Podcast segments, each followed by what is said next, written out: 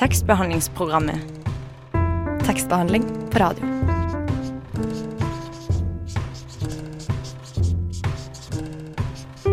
Tekstbehandlingsprogrammet.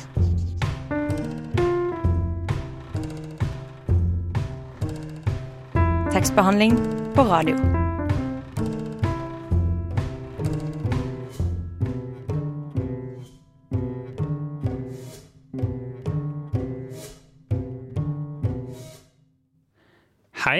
Og velkommen til eh, tekstbehandlingsprogrammet. Eh, Jeg heter Torolf Vestmælingen, og med meg i dag har jeg eh, Anna eh, som er helt ny for oss her i tekstbehandlingsprogrammet. Eh, Og teknikeren i dag heter Joakim Foss Hansen. Aller først skal vi bli litt kjent med deg, Anna eh, før vi går videre og får forfatter Amalie Kasin Lerstang i studio. Hun har skrevet en diktsamling som heter Vårs. Gleder du deg til det? Ja, det blir kjempegøy. Mm. Det klar. Ja, jeg òg. Eh, vi pleier jo å, å stille noen eh, litt kleine spørsmål til eh, våre eh, nye eh, medarbeidere her i tekstbehandlingsprogrammet. Kjør på. Eh, hva er det du eh, OK. Vi starter med å spørre om du har en guilty pleasure Ja, Da regner jeg med at du mener innen bøker. innen bøker, selvfølgelig. Eh, ja, altså um, Jeg ble jo eh, litt forberedt på at jeg kanskje kunne få dette spørsmålet. Så prøvde jeg å tenke på om eh, det var noe jeg hadde lest i det siste som jeg var flau over. Men egentlig så kom jeg ikke på noe. Nei. Men så uh, kom jeg på at uh, når jeg er lei meg, eller litt har litt sånn dårlige eh, kvelder ofte, så pleier jeg å lese barnebøker. Og det føler jeg er litt som å legge seg i fosterstilling. Det blir litt sånn eh, gå tilbake til der det startet, føle meg trygg, og så leser jeg. Og da er det ikke Det er ikke sånn voksenbarnebøker. Det er Ole Brumm. Å Mm. ja, det er såpass. Ja. Så det er ikke Mummitroll eh, og sånn? Så Nei, for det er litt sånn Det leser jo folk. Ja. Men ja, det er kanskje litt sånn Ja. Litt guilty. Ja, det, det, det kommer an på øyet som ser. Uh, Ja. eh, kanskje litt guilty. Ole Brumm er jo eh, eh, Det er trygt og godt. Det er trygt og godt. Eh, hva med yndlingsbøker, da? Har du en yndlingsbok? Ja, alle vet jo at det er et dumt spørsmål, Mm. fordi man klarer jo ikke velge én. Men eh, i fjor så fant jeg forfatteren Daniel Karms, som er en russisk forfatter. Wow. Og jeg har egentlig ikke lest så veldig mye russisk litteratur før. Eh, men han har skrevet en bok som heter Knakk, som er vanvittig morsom og helt uh, herlig. Så den har jeg gått tilbake til mange ganger det siste året. Ja, kult. Uh, er det en roman? Eller? Nei, eller eh, det er sånn mer små prosafortellinger. Ah. Ja. Anbefales. Ja, jeg husker når jeg eh, ble spurt i disse spørsmålene, så, så valgte jeg Knausgård. Og at jeg ikke hadde noen eh, guilty pleasures, eh, det angrer jeg fortsatt på. Det er selvfølgelig ikke Ja. Nok om det. Eh, nå syns jeg vi skal høre noe musikk. Eh, så vi kan få Amalie inn i studio. Eh, og vi skal høre en sang av Amir Amalie Holt Kleive, eh, og den heter Nær deg. Ja, der hørte du Nær deg av Amalie Holt Kleive. Og eh, nå skal vi høre et innslag fra meg, eh, som eh, jeg har laget, eh, om komediesjangeren. Eh, og det kommer her.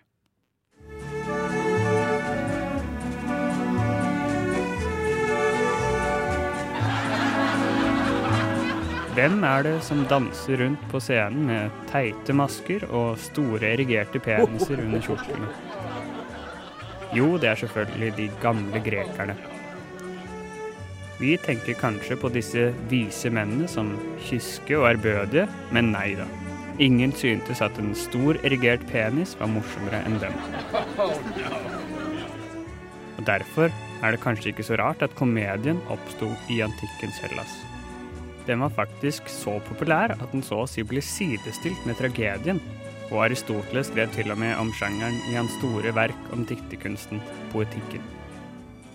Aristoteles definerte komedien som etterligning av mennesker som er ringere enn gjennomsnittet. Ved å sparke nedover fikk man seg en god latter. Dette kan man kanskje kjenne igjen fra Jeppe på Bjerget av Ludvig Holberg, hvor eh, Jeppe, den fattige drukkenbolten, blir lurt til å tro at han er en av det bedre borgerskap. Men av de gamle greske komediene har vi veldig få å vise til i dag. Vi har faktisk bare 11 av over 40 verk fra en av de gamle greske komediedikterne, nemlig Aristofanes. Alt annet er borte. Det stykket av Aristofanes som blir mest oppsatt i dag, er det som heter Lysistrata, en komedie om kvinner som er lei av at mennene alltid er i krig, og derfor arrangerer en sexstreik for å få slutt på dette. Kvinnene beleirer også Akropolis, og derfor også statskassen. Men det er nettopp denne sexstreiken som knekker mennene til slutt, og får dem eh, til å inngå en fredsavtale. De møter nemlig opp utenfor Akropolis med Blue Balls, atenerne så vel som eh, spartanerne, og inngår fredsavtalen på hovedpersonen Lysistratas eh, vilkår. Lysistrata er et godt eksempel på politisk satire, og det var ikke uvanlig at komediene tok opp politiske spørsmål. Selv om de var komiske på overflaten, lå det som oftest et alvor i bunn. Hellas var jo faktisk i krig med Sparta da Lysistrata ble skrevet, og Aristofanes komedie var derfor brennende aktuell da den ble oppført for første gang i 411 før Kristus. Som tragedien har komedien også noen overordnede hovedtrekk. Den har et underliggende alvor, den ender som oftest uh, lykkelig, den handler om de lavere samfunnslag, og vendepunktet i komedien slår ofte handlingen om fra ulykkelig til lykkelig. Komedien som vi kjenner den i dag, har mange likhetstrekk med den gamle greske. Men der grekerne brukte penisproteser, har vi heldigvis utviklet naturtro dataanimasjon. Og det gjør det bare enda morsommere.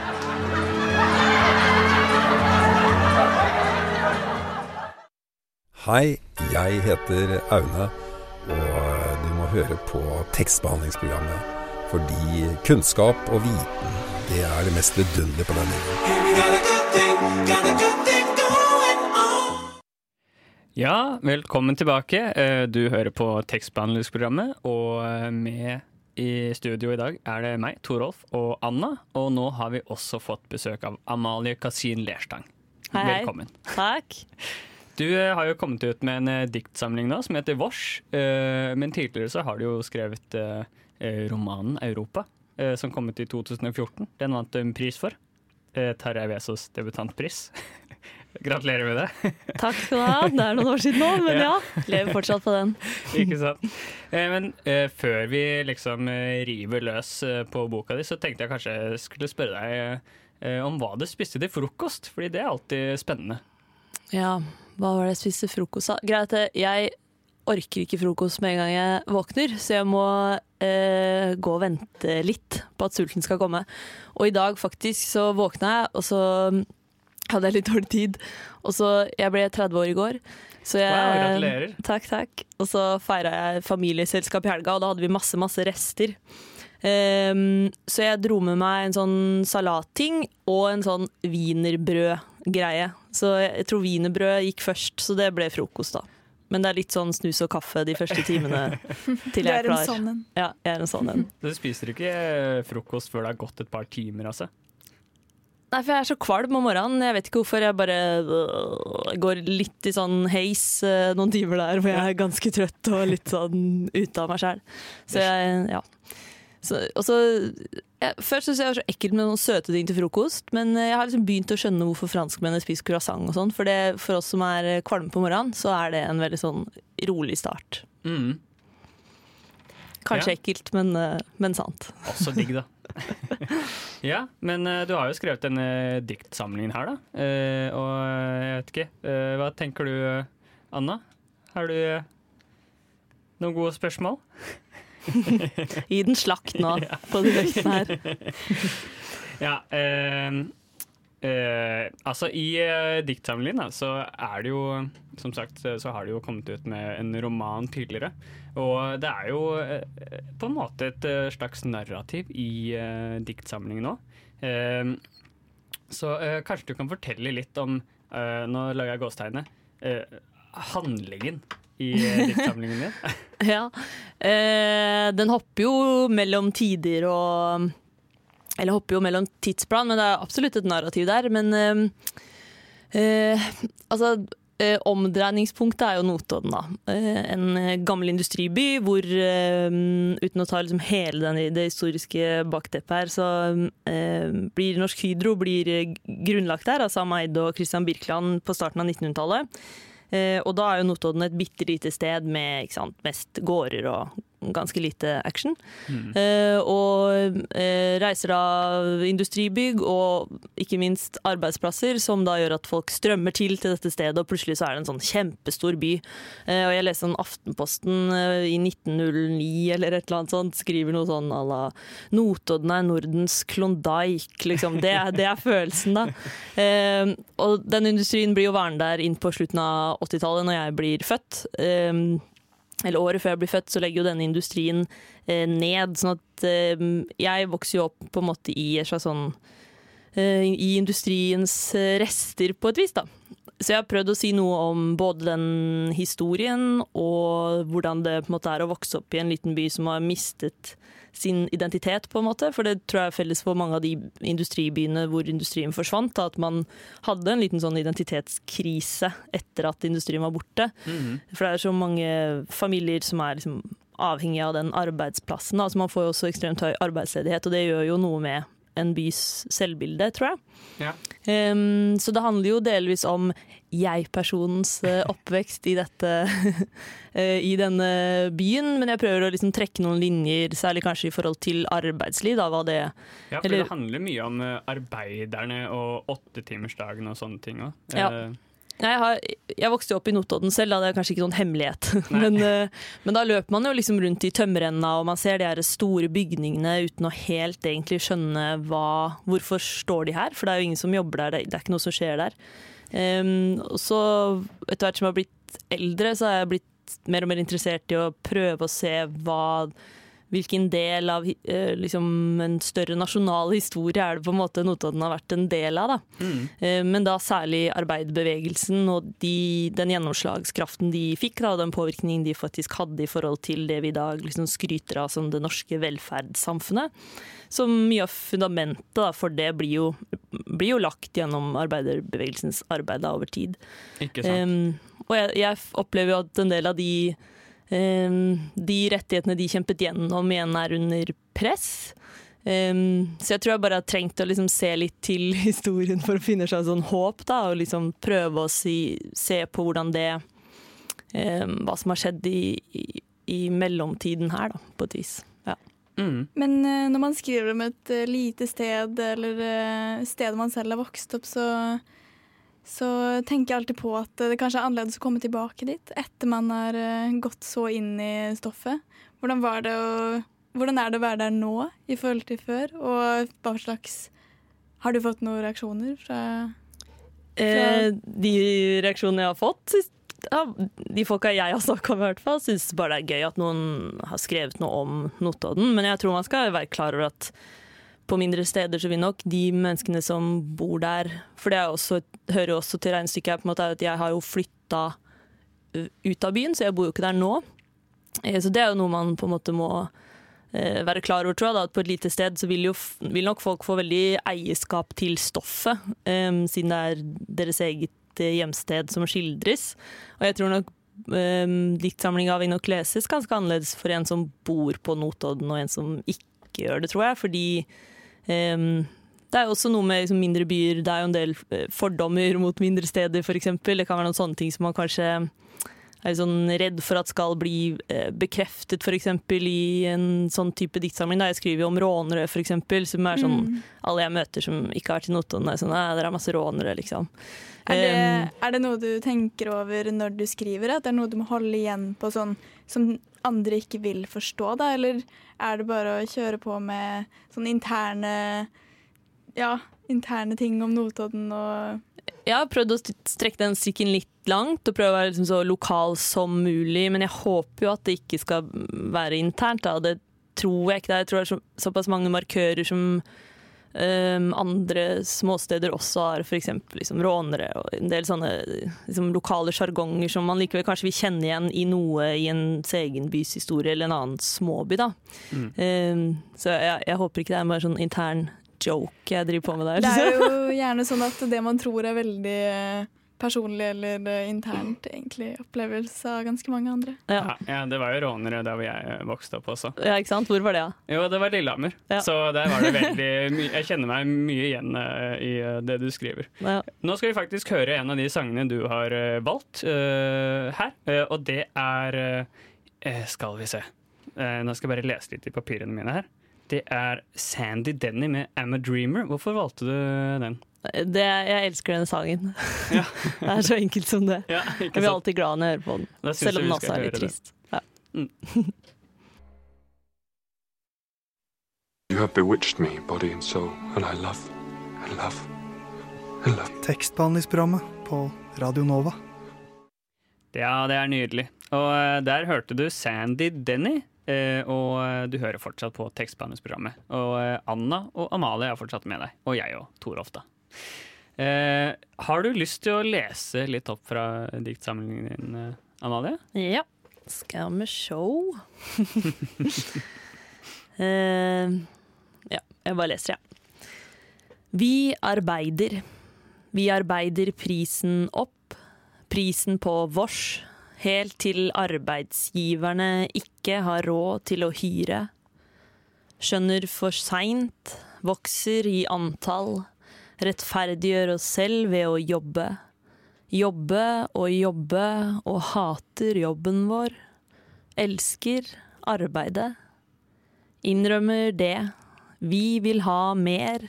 Håper vi får prolaps samtidig. Viser fram skaden for at den skal leges. Ser klassiske symptomer på kreft. Det sprer seg til kafeene gjennom soverommet i vikariatene. Snakker om skatt, men tenketanklederen sier den største forskjellen på fattig og rik finnes i utlandet. Tusen takk for det. Takk. Ja, det her eh, er jo din første diktsamling. Den eh, første boka du skrev var en eh, roman som heter Europa. Eh, hva Var det klart for deg at det var en diktsamling det skulle bli, den neste boka di? Eller eh, har, du, har det på en måte bare endt opp eh, med å bli det? Nei, jeg, egentlig så begynte jeg å skrive på en roman ganske raskt etter jeg hadde debutert, egentlig. For jeg tenkte at eh, nå vil jeg bare være i gang med et eller annet, sånn at jeg liksom kan si sånn Å ja, Europa? Hæ? Nei, hvilken bok mener du? Jeg er i gang med noe annet. eh, og så jobbet jeg på det en stund, øh, men fikk tilbakemelding om at liksom OK, men det her er ikke bra nok. Og i stedet for å fortsette å jobbe med det da, så bare merker jeg at ja, jeg, ikke, jeg er ikke engasjert nok i det stoffet her til at jeg orker å sitte i mange år og jobbe med det.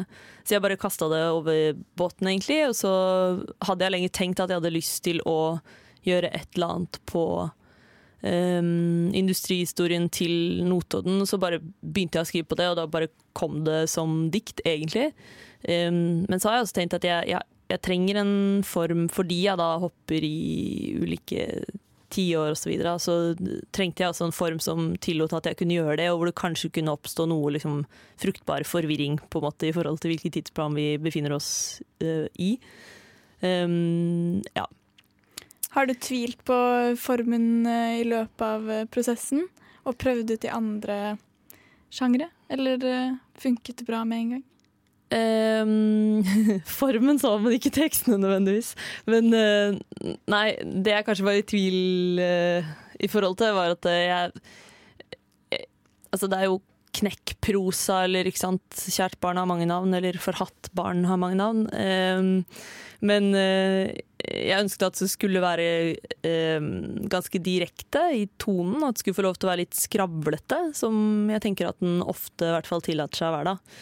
Um, og det var liksom det, For meg var det en øvelse i å liksom ikke, ikke redigere det i hjel. Som altså Debutromanen min er jo en mye mer stilisert, monoton tekst. Eh, skrevet i et veldig annet språk da enn den her, mens den her leker seg mye mer. Eh, jeg trengte liksom å break free fra de litt sånn rammene jeg kanskje hadde lagd for meg selv, da, som føltes litt klaustrofobisk. Så jeg ville at den skulle få være litt eh, feil på et vis noen ganger. At den skulle få lov til å eh, være litt eh, maste eller slitsom, eller eh, den skulle ta plass, da. Fordi altså, det er jo eh, Jeg lener seg også veldig mye på det joviale i eh, teksten, og, og ser på det som en veldig trygghet eh, i, i, i diktene. Eh, men du nevnte jo det med eh, knekkprosa. Eh, var det noe du tenkte på når du skrev romanen? At den liksom skulle eh, blande sjangre, så å si, eller være et slags mellom Hva skal man si? Eh, Hybrid. hybrid, ja. Det er et veldig godt ord. Jeg vil i hvert fall, jeg sier at den skal ha noe muntlig over seg. Da, ikke sant? Og det du sier med det joviale, f.eks., det er, jo, det er jo ting jeg snakker om i teksten. Så jeg ønsket at det språket som ble brukt, også skulle på en måte reflektere det. Da, sånn at den ikke snakker med to tunger på et vis. Mm. Um, så det for Jeg husker jeg hadde noen sånn lengre prosatekster inni der, men det bare fungerte ikke, for det hakket opp veldig i forhold til den rytmen jeg prøvde. Eller jeg vet det hva et drive der, som jeg følte bare ble helt sånn blå. Det liksom bare falt i de prosadelene, så alt det gikk ut. Um, så jeg prøvde jo å eksperimentere litt mer egentlig enn det det endte opp med å bli, da. Eh, også litt sånn lengre deler med kanskje mer sånn eh, historisk fakta, liksom, Ja. som bare også ikke fungerte, da. Eh, så ja, jeg, tror liksom form for meg eller Det kommer mer av nødvendighet på en måte enn at jeg sitter og kanskje kan ha helt kontroll over det. Mm. Ja, eh, var det noen forfattere som kanskje inspirerte deg mens du skrev den? Mm, egentlig når jeg jobba med den her, så leste jeg mest sakprosa, egentlig. Ja. Eller jeg har fått mer inspirasjon kanskje i å liksom studere en del sånn helt reelle historiske hendelser. Men jeg leste, jeg leste en del essay da, som, sånn, sånn tematisk som jeg kanskje opplevde at snakket litt om de tingene jeg eh, prøver å snakke litt om i boka. For eksempel leste jeg eh, Rebecca Solnitz en essaysamling som heter 'Hope in the Dark'. Eh, som jo egentlig ble skrevet under Bush-administrasjonen, men som ble, måtte bli trykt opp igjen i, i nye opplag eh, da Bush vant valget. Mm. Og der snakker hun jo om liksom hvordan eh, Hun sier liksom at det er mange som ønsker å tjene på at du tror at det er håpløst, at du ikke kan påvirke eh, det samfunnet du lever i. Og så prøver hun på en måte å motbevise eh, det da, ved å liksom studere politiske hendelser, eller, eh, eller hvordan enkeltmennesker har eh, gått sammen og faktisk klart å ha en sånn helt reell, liksom, konkret påvirkning på et politisk vedtak, eller whatnot. da. Mm. Um, så jeg har kanskje søkt mer til egentlig sånne type ting, og forsøke å liksom se ok, hva er det, er det mulig å gjøre det, eller er det en sånn naiv, romantisk drøm? Mm. Ja, eh, nå skal vi faktisk over på noe musikk igjen. Og eh, nå må jeg dessverre skuffe deg, fordi du hadde valgt en sang av Cornelis Vresvik som heter Vugg-visa. Ja. Eh, eh, den fant vi ikke i systemene våre her på Radio Nova. Eh, Istedenfor så fant vi en av Jack eh, Vresvik. ja, men det er sønnen hans. er det det? Ja, Ja, Da Så får vi da- håpe at den er like bra, da. ja da skal man få tro at det er i OK greie hender, da. Ja, Vi får komme med en eh, dom etter sangen. Ja. Er du hypp på å lese en bok, eller? Ja, der hørte vi Vaggvisa med Jack Vresvik. Og du hører selvfølgelig fortsatt på tekstbehandlingsprogrammet da, på Radio Nova. Og eh, nå skal Amalie Kasin Lerstang lese litt for oss uh, igjen. Ja, skal vi se her nå Nå ble jeg bare litt sånn uh, Ja. Kan lese en hvor det, er, hvor det er litt mer sånne Notodden-spesifikke ting. Eh, ok. Jeg heiser opp buksene. Først forbi bensinstasjonen. To rånere med snutene mot hverandre. Og så opp og ned Storgata, forbi Eide restaurant, Professor Birkeland bar og pub. Hva skal fylle Domusbygget? Liker det jeg ser. Ei åpna verktøykasse i vinduet. Kirkeparken er velpleid. Villamoen skinner hvit.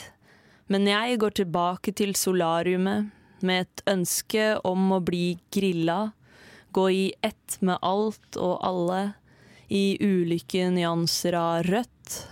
Det er sagt mye om rødt allerede.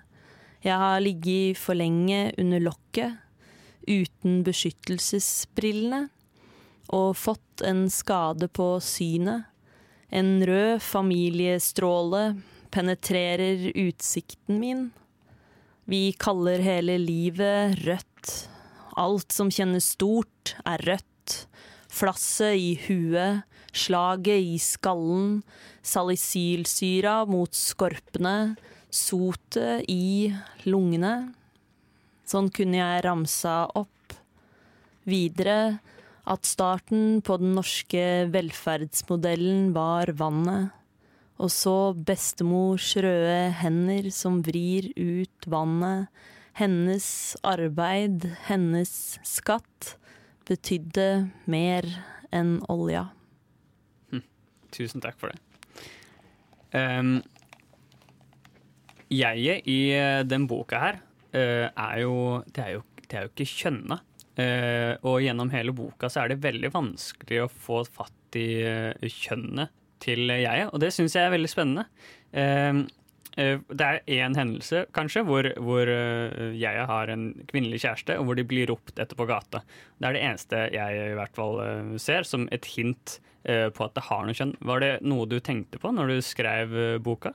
Det er faktisk når du sa det, tenkte jeg at jeg tenkte utrolig lite på, så deilig. Ja. Eh, jo, men det er jo sånn man kan bli opphengt i, ikke sant. Hvor, eh, hvor stor plass skal det ha? Har det, noe, har, det, har det en betydning for denne teksten? Og i mange tilfeller så har det jo det, uansett om man vil eller ikke. Og den situasjonen du nevner, eksempel, vil jo på en måte kanskje leses annerledes om det er en kvinne som sier det, eller en mann, da. Mm.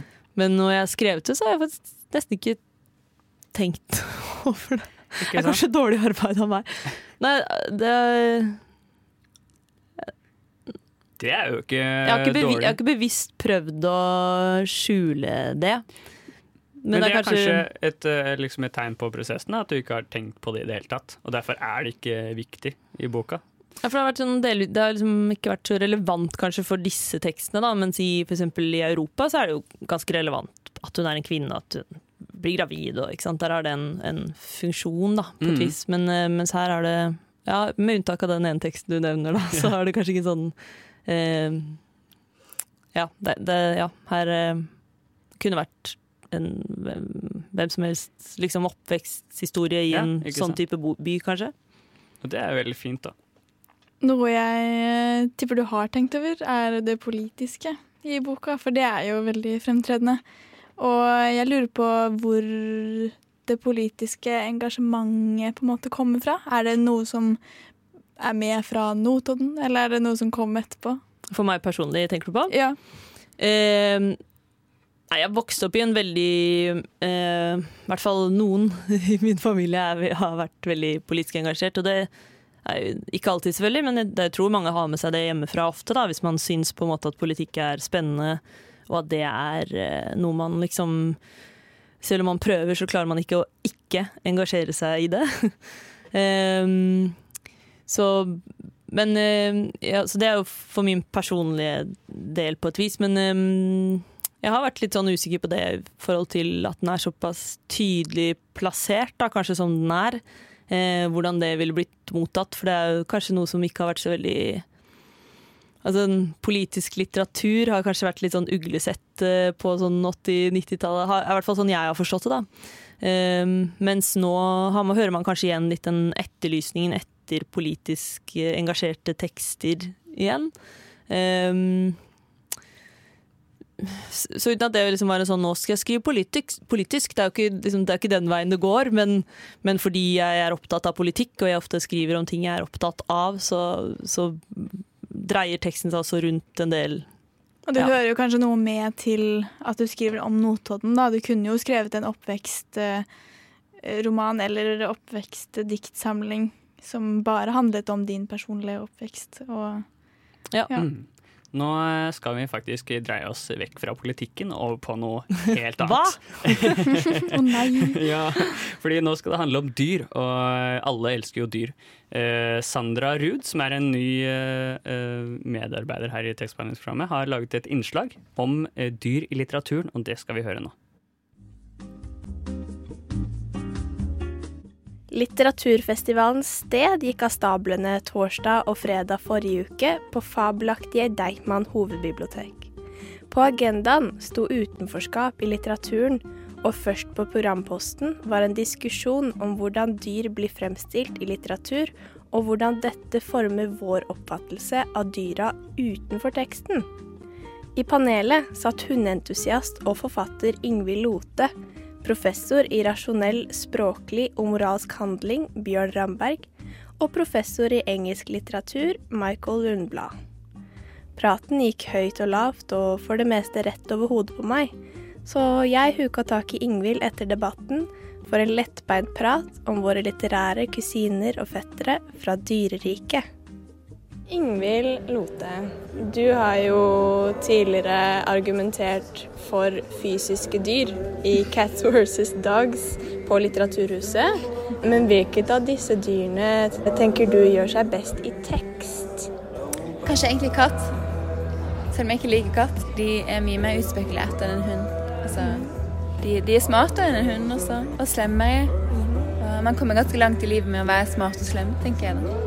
Du sa jo på slutten der at du elsker dyr, og hvis du kunne ha vært et dyr fra en bok, hvilke dyr hadde det vært? Det måtte ha vært noe fra havet, da. Jeg vet ikke. Kanskje en hval? Du kunne ha vært den hvalen uh, i Pinocchio? Ja. Og spisse alle. Ja. Med uhell.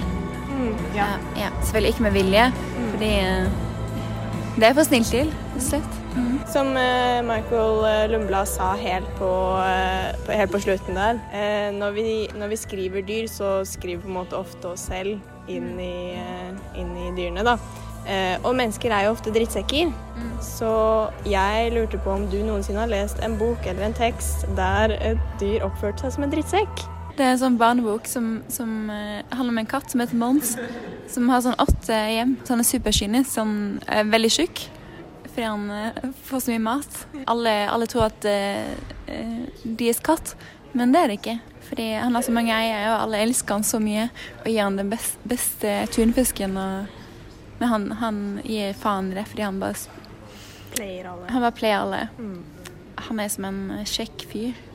Tusen takk, Ingrid, for uh, alle de gode svarene. Bare hyggelig. Ha en fin kveld.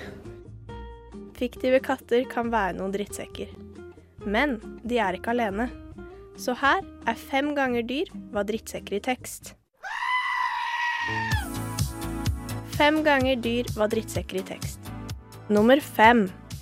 Haiene i Hemingways 'Den gamle mannen og havet', da de spiste sverdfisken som mannen hadde brukt hele novellen på å fange.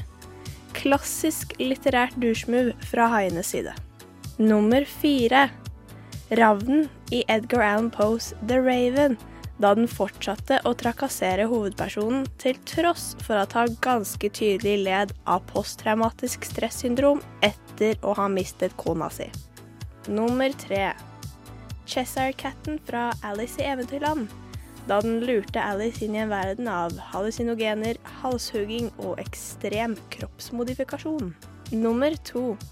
Hjorten i George R.R. Martins A Song of Ice and Fire, da den myrdet en såkalt kjempeulv og etterlot seks sårbare og foreldreløse ulvunger. De samme ulvene som senere skulle måtte bøte med livet fordi eierne deres ble uvenner med folk. Nummer én. Den tredje bukken Bruse, da han myrdet trollet som ikke lot han og brødrene hans passere over bruen.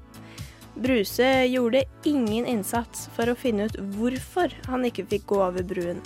Noe som forteller leseren at han var ute etter trollblod fra begynnelsen av. En ekte litterær psykopat. Det var fem ganger dyr var drittsekker i tekst. På gjensyn.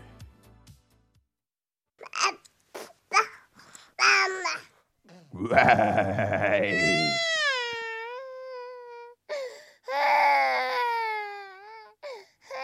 Radio Nova kommer og tar deg.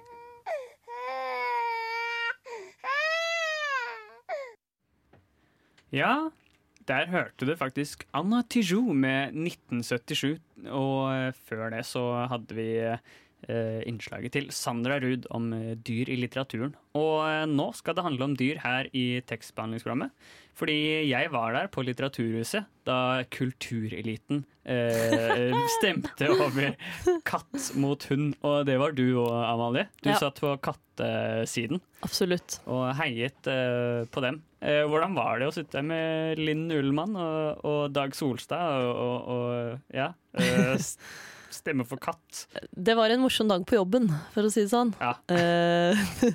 men det var veldig gøy, da. Så kom det jo veldig mange mennesker, og det overraska meg litt. Men eh, det er kanskje litt fordi folk hungrer litt etter noe sånn som er sånn semilitterært, men ikke så veldig seriøst. At det kanskje er det som er gøy, da. At det er litt sånn OK, nå skal vi faktisk se folk som tør å drite seg ut, eller Det var sykt befriende, liksom. på en måte. Det var Ja. Masse forfattere som bare uh, kunne snakke om whatever, ikke bare sånn uh, høypanna litteratur. Ja, ikke sant? Ja, ja. Ja, Og så er vi jo veldig engasjert i dyra våre òg, selvfølgelig. Så det er jo, det er jo litt alvor i det òg. Ja, fordi du har katt. Eh, men du har faktisk også sagt ja til å være dommer her i tekstbehandlingsprogrammet eh, i en Cats versus Dogs eh, showdown. Ja. Eh, og dette må jo nesten bli det endelige ordet på det, uh, syns jeg. Fordi nå Ja, er det én hund eh, som har vunnet i The New Yorker, og så er det én katt som har vunnet på Litteraturhuset. Oi, nå er det press. Eh, ja, så nå har jeg og Anna skrevet hver vår appell, og du skal selvfølgelig være upartisk. Absolutt. ja. Det skal jeg virkelig prøve på. En slutt på denne kampen? Ikke sant? En gang for alle. En gang for alle. Mm. Eh, Anna, du er først ut. Ja, det, det Nå gleder jeg går meg. helt fint. Ja. Eller kan du være Vil du starte? Kanskje jeg er mer galant enn meg? Ja da. Ja, det ble nok eh, for min del mer litterært. Det er nok kanskje det katten eh, bringer frem i meg. Ja, Og så er jeg ikke så, jeg er ikke så glad i å diskutere. Men eh, vi får se. Så jeg skal lese opp det jeg har å si om katten. Hunden den forholder man seg til som en hund fordi det er bare en hund. Den har tunge utenfor munnen, klumsete føtter med skitne negler og virrende øyne. Den er en hund. Katten forholder jeg meg til som et medmenneske. Og den vet jeg forholder seg til meg som en medkatt. Den godtar meg ikke som et menneske, et enkelt menneske med teite fingre og lange bein. Jeg er en medkatt for den. Til gjengjeld godtar heller ikke jeg den som en katt. Den er ikke en katt. Den er en å diskutere irritasjonene sine med, en å dytte ned i den rennende springen når den balanserer for selvhøytidelig på servanten. En å forsones med igjen om kvelden. Fordi vi har bruk for hverandre. Vi liker hverandre ikke åpenlyst og helhjertet, vi har bruk for hverandre, av og til når det passer oss. Når vi ikke har bruk for hverandre, overser vi hverandre. Det er en enighet vi har. Katten har mange rykter hengende på seg som ikke nødvendigvis er sanne. Det er hundemenneskene som har funnet dem på. Hundemennesker er sånn, de trenger bokser å putte, putte dyrene sine i. Ingenting av det du har hørt om katter er sant. Den har ikke ni liv, den er ikke smart, den er ikke dum. Den er ikke egenrådig, den liker ikke fisk. Den har ikke faste territorier. Den kunne ikke brydd seg mindre. Den er bare det den vil være den dagen. Mitt medmenneske og katt i livet het Adelheid, og naboen min kjørte henne ned da han skulle rygge ut av bakgården.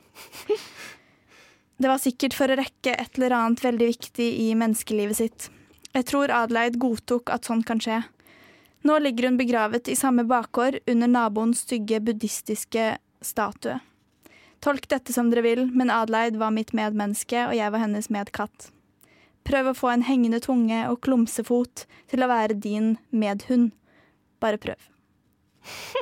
Herregud. Ok, det her blir vanskelig å Ja, det var følge bra. På, synes jeg. Ja. ok, jeg, jeg har valgt en litt annen eh, vri, da. Uh, uh, moren min er prest, og derfor har jeg prøvd å få en slags sånn prekenaktig uh, tone over det.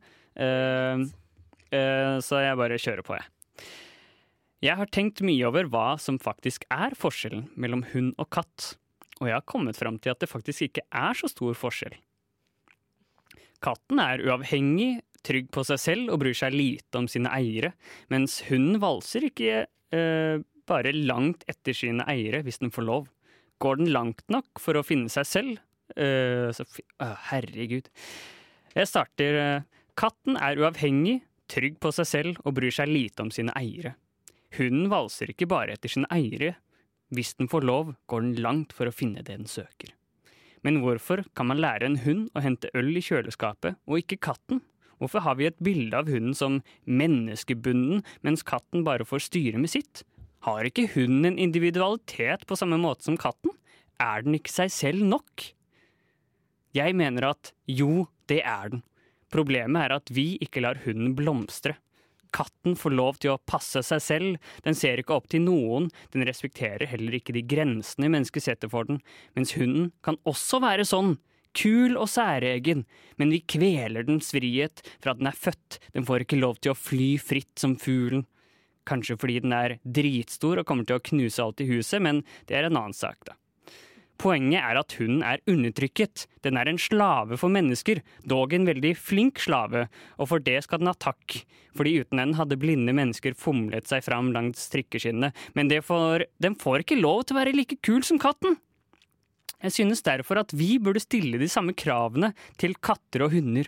Vi har gjort det før. For eksempel har vi sluttet å diskriminere mellom kvinne og mann, eller noen har, men det samme kan gjøres for våre husdyr.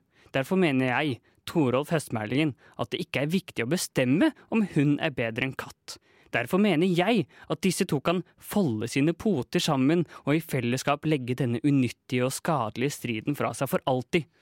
Så la oss i studio her på Radio Nova samles om denne ene sannhet, at hunden kan bli like kul som katten, og katten kan bli like hjelpsom som hunden. Og slik skal all ondskap i denne verden fordufte, ved at du, kjære dommer, stemmer på meg. Fordi vi vet alle sammen at hun er bedre enn katt. Amen. Takk for meg. Det var veldig diplomatisk veldig lenge, også. Veldig. Hun er best. Jeg trodde en stund at du skulle ende med at kan de ikke bare si at de er like bra? Ja, men jeg tenkte kanskje hvis jeg sa det veldig fort, så var det ingen av dere Ja. som uh, fikk det med dere. ja, eh, og hva er din endelige avgjørelse? Å, det er vanskelig, da.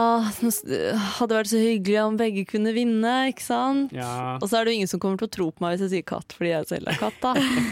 Jeg må kanskje si katten, fordi jeg likte så godt det med at man var medkatt og medmenneske. Ja. Eh, Det er korrupsjon hele veien. Ja, ja, det kan du si.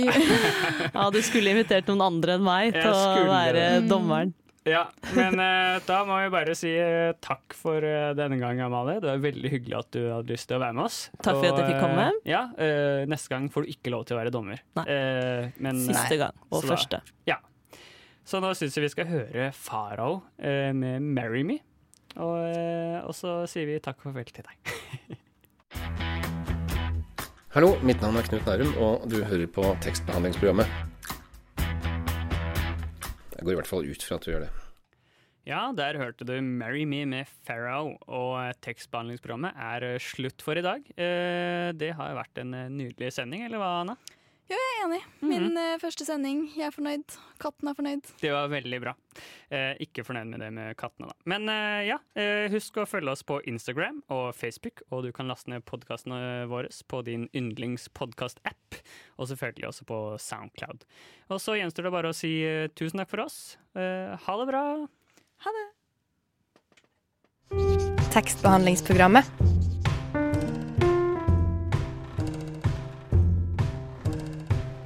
Tekstbehandling på radio.